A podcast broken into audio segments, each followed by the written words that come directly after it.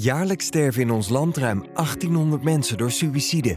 Daar moeten we iets aan doen. Samen Minder Suïcide is een netwerk van meer dan 50 organisaties die zich inzetten voor suïcidepreventie. Meer preventie en minder verdriet is het doel. In deze podcast brengen we initiatieven van Samen Minder Suïcide onder de aandacht.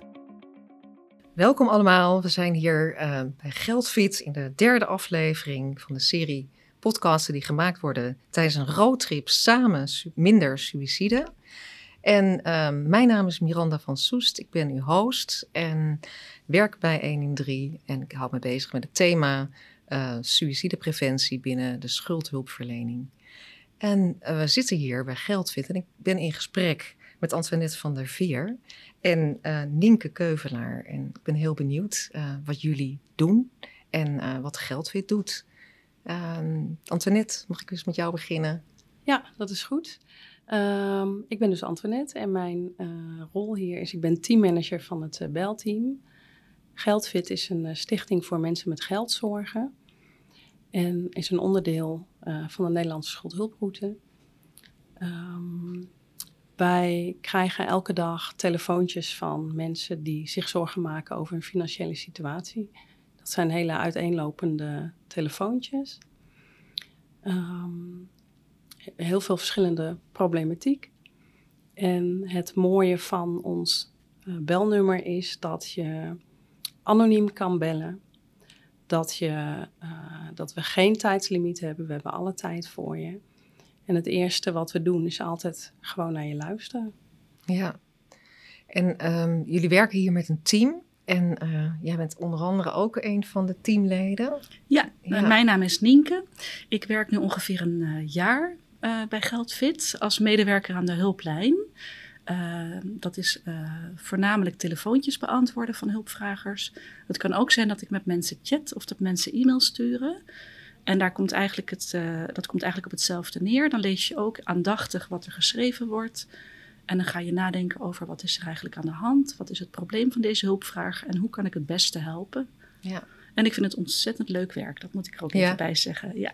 ja. Wat maakt het leuk? Um, nou, wat Antoinette al zei, dat we alle tijd mogen nemen voor een gesprek. Uh, we zijn niet gebonden aan targets of aan uh, tijdslimieten. En het is heel fijn om mensen te kunnen helpen. En uh, in veel gevallen kunnen we praktische hulp bieden door door te verwijzen naar hulpinterventies. Um, of tips te geven. Er zijn ook wel eens mensen die bijvoorbeeld het overzicht over hun financiën kwijt zijn. Dan kunnen wij ze koppelen aan bijvoorbeeld een vrijwilligersorganisatie. En dan voelen mensen zich al heel erg geholpen. Maar wat ik ook heel erg mooi vind, is uh, het gesprek dat je met een hulpvrager voert.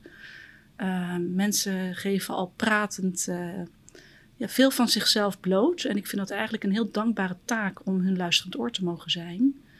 Uh, want we krijgen best moeilijke verhalen ook aan de telefoon.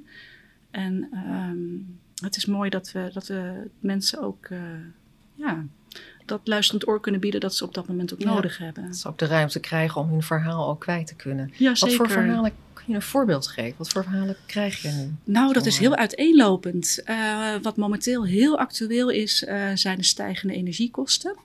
Dat is natuurlijk voortdurend uh, in de media. Uh, mensen bellen ons uh, best wel vaak in paniek, omdat hun uh, maandbedragen bijvoorbeeld zijn verviervoudigd. En mensen kunnen dat vaak helemaal niet ophoesten. Ehm, nou ja, en dan zijn ze vaak de wanhoop nabij. En ik merk dan door met iemand in gesprek te gaan dat het al heel erg helpt dat zij merken: hé, hey, er wordt geluisterd, iemand neemt de tijd. Dat je even wat rust kunt brengen in een gesprek. Ja, en dan samen maar eens kijken van uh, hoe die persoon het beste geholpen kan worden. Ja. En als je zegt van uh, ze zijn soms de wanhoop nabij, dus dan, ja, dat is echt wel schrijnend dan ook. Dan zitten ze in een hele moeilijke situatie. En ja. hoe ga je daar dan mee om? Dat is uh, ook best lastig, denk ik. Ja, dat is ook lastig. Nou, wat, wat ik persoonlijk doe, is me echt focussen op zo'n gesprek. gelukkig binnen onze organisatie is er ook alle ruimte voor. Um, ik krijg ook de laatste dagen ook toevallig best wel veel mensen aan de lijn die suicidaal zijn. Dat zijn niet mensen die zeggen: Ik ben van plan om een eind aan mijn leven te maken. Maar wel mensen die zo wanhopig zijn uh, dat ze bijvoorbeeld zeggen: van nou, ik zie het niet meer zitten. ik, ik weet het niet meer. ik krijg toch nergens hulp. Dat hoor ik ook heel veel. Ehm, nou, dan probeer ik ehm, ja, eruit te halen wat er precies aan de hand is. En ik heb bijvoorbeeld, of niet bijvoorbeeld, ik heb bij 1 in 3 ook een goede training gevolgd. Dat hebben wij hier als belteam aangeboden gekregen. En uh, die training uh, heeft mij wel handvatten gegeven om zo'n gesprek aan te gaan. Um, nou merk ik ook vanuit mijn eigen karakter, en ik zie dat ook bij mijn collega's, um, dat we denk ik vanuit onszelf al heel goed iemand kunnen helpen door goed te luisteren. En we kunnen bijvoorbeeld doorverwijzen naar 113 of we kunnen gewoon benoemen van, hé, uh, hey, ik merk dat je er heel erg doorheen zit. Um, wil je daar wat meer over vertellen? Ehm, nou ja, en soms uh, kan ik uh, wel iets bedenken waar mensen mee verder kunnen. En dan houden we uh, het lijntje kort en dan bel ik over een paar weken nog eens. En dan gaat het vaak al wat beter met mensen. Ja. ja. Dus je hebt ook geleerd door die training hoe je dat gesprek kan aangaan. Welke signalen er zijn. En dat je daar uiteindelijk ook op kan doorgaan vragen. En als nodig is ook kan doorverwijzen. Jazeker. Ik, uh, nou, ik heb sowieso binnen onze organisatie natuurlijk uh, opleiding gehad. En uh, vanuit mijn eigen interesse in mensen merk ik vaak dat ik iemand best goed al kan helpen. Maar soms weet ik het ook even niet meer. En dan hebben wij gelukkig ook een soort naslagwerkje van 1 in 3 bij ons liggen. En dan kunnen we even kijken van hé, hey, wat kan ik nog zeggen? hoe kan ik het even aanpakken als ik het zelf niet meer weet? En daar heb ik wel houvast aan. Dat vind ik wel erg fijn. Ja.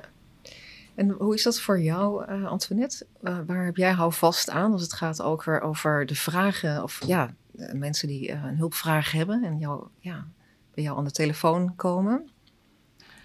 Wat ik merk is dat als je goed luistert, en goed luisteren is niet alleen maar je oren openzetten, hè, maar ook een reactie geven en doorvragen dat, en dat krijgen we ook terug. Dan mensen zeggen, goh, wat fijn dat er even iemand naar me luistert. Ja.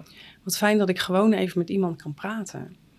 Ehm, dat eigenlijk schrik ik daar altijd een beetje van. Want dan denk ik, goh, dat je daar toch zo'n lijn als ons voor moet bellen... om uh, even je verhaal kwijt te kunnen. Ja, dan is er dus ook schaamte misschien? Of wat, wat kom je tegen allemaal... waardoor mensen ook het gevoel hebben van... in hun eigen omgeving is er weinig ruimte ook om het gesprek hierover te hebben. Over de nou, wanhoop, hè, hoor ik ook bij jullie. Ja, ik denk dat we ook wel in een, en ook met social media en zo, maar in een cultuur zitten waarin het altijd goed met je gaat. Het is ook niet een onderwerp wat je nou op verjaardagen uh, heel trots gaat vertellen. Hè? Goh, ik heb 20.000 euro schuld, hoe vind je dat? Dus dat is wel, um, uh, ja, mensen schamen zich ervoor of bespreken het gewoon niet. Um, en wat ik merk is, ik had bijvoorbeeld een, uh, meneer aan de telefoon van nou, 88, die ineens wordt geconfronteerd met, eh, ik kan het allemaal niet meer betalen. Uh, hoe moet dat nou met mij? Um, en dan zie je dat de stress heel hoog is, dat, dat het dan ook heel moeilijk wordt om nog goed na te denken. Dus dan kom je er eigenlijk ook al niet meer uit, omdat je brein gewoon niet meer werkt. Hè? Die mhm. staat op de overleefstand. En bij die meneer kwam eigenlijk daarbij ook allemaal ander verdriet naar boven. Mijn vrouw deed vroeger de financiën en die is dood. En hoe moet ik nou dan toch verder? Dus um, uh, niet alleen dat verhaal van die schulden, maar ook, ook al het andere verdriet wordt dan aangeraakt. En, en dat merk ik heel goed. En dat mensen daar ook graag dan even de ruimte voor willen om dat even te vertellen. Ja, en die is ook dan geholpen met een gesprek hier bij Geldfiets. En uh, dan kan hij weer verder. Je kan hem ook verder helpen. Ja, want uh, ook in dit geval uh, heb ik meneer gekoppeld aan een, aan een vrijwilliger bij hem in de buurt. Oh ja. waardoor hij ook niet zelf dat allemaal nog weer hoeft op te tuigen. Maar eigenlijk ook iemand heeft om, om ook eens even een praatje mee te maken. Hè, want die komen bij je langs.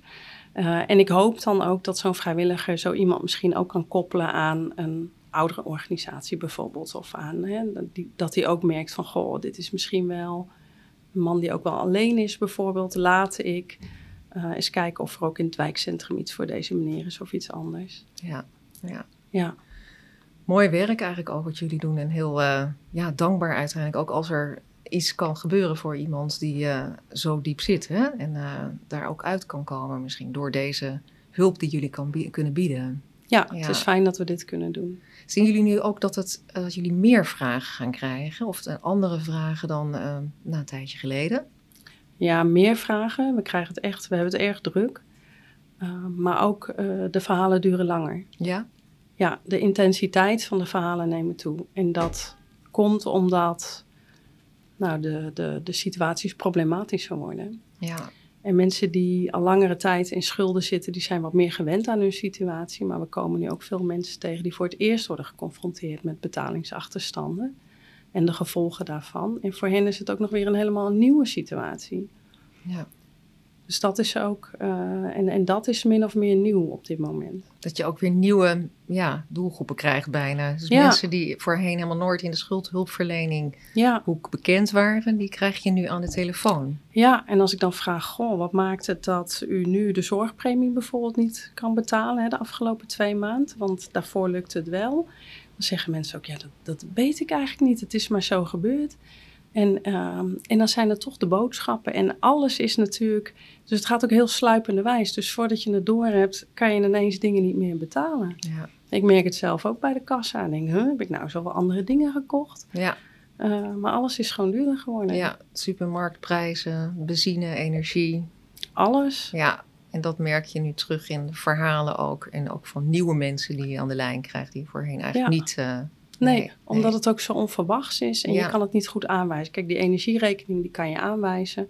Maar de rest, ja, dat, dat is er ineens. Ja.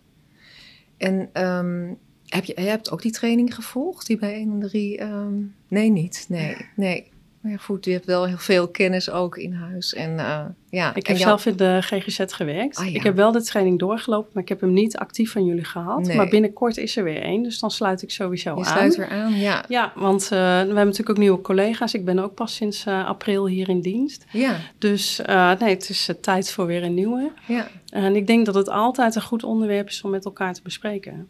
Ja, want ik denk ook deze, de mensen die met wie jullie, hè, dus, deze, die in de hulpverlening zitten hier nu, dus mensen helpen, Ja. die eh, kunnen natuurlijk ook goed een training gebruiken wellicht als, als je die nog niet hebben gehad.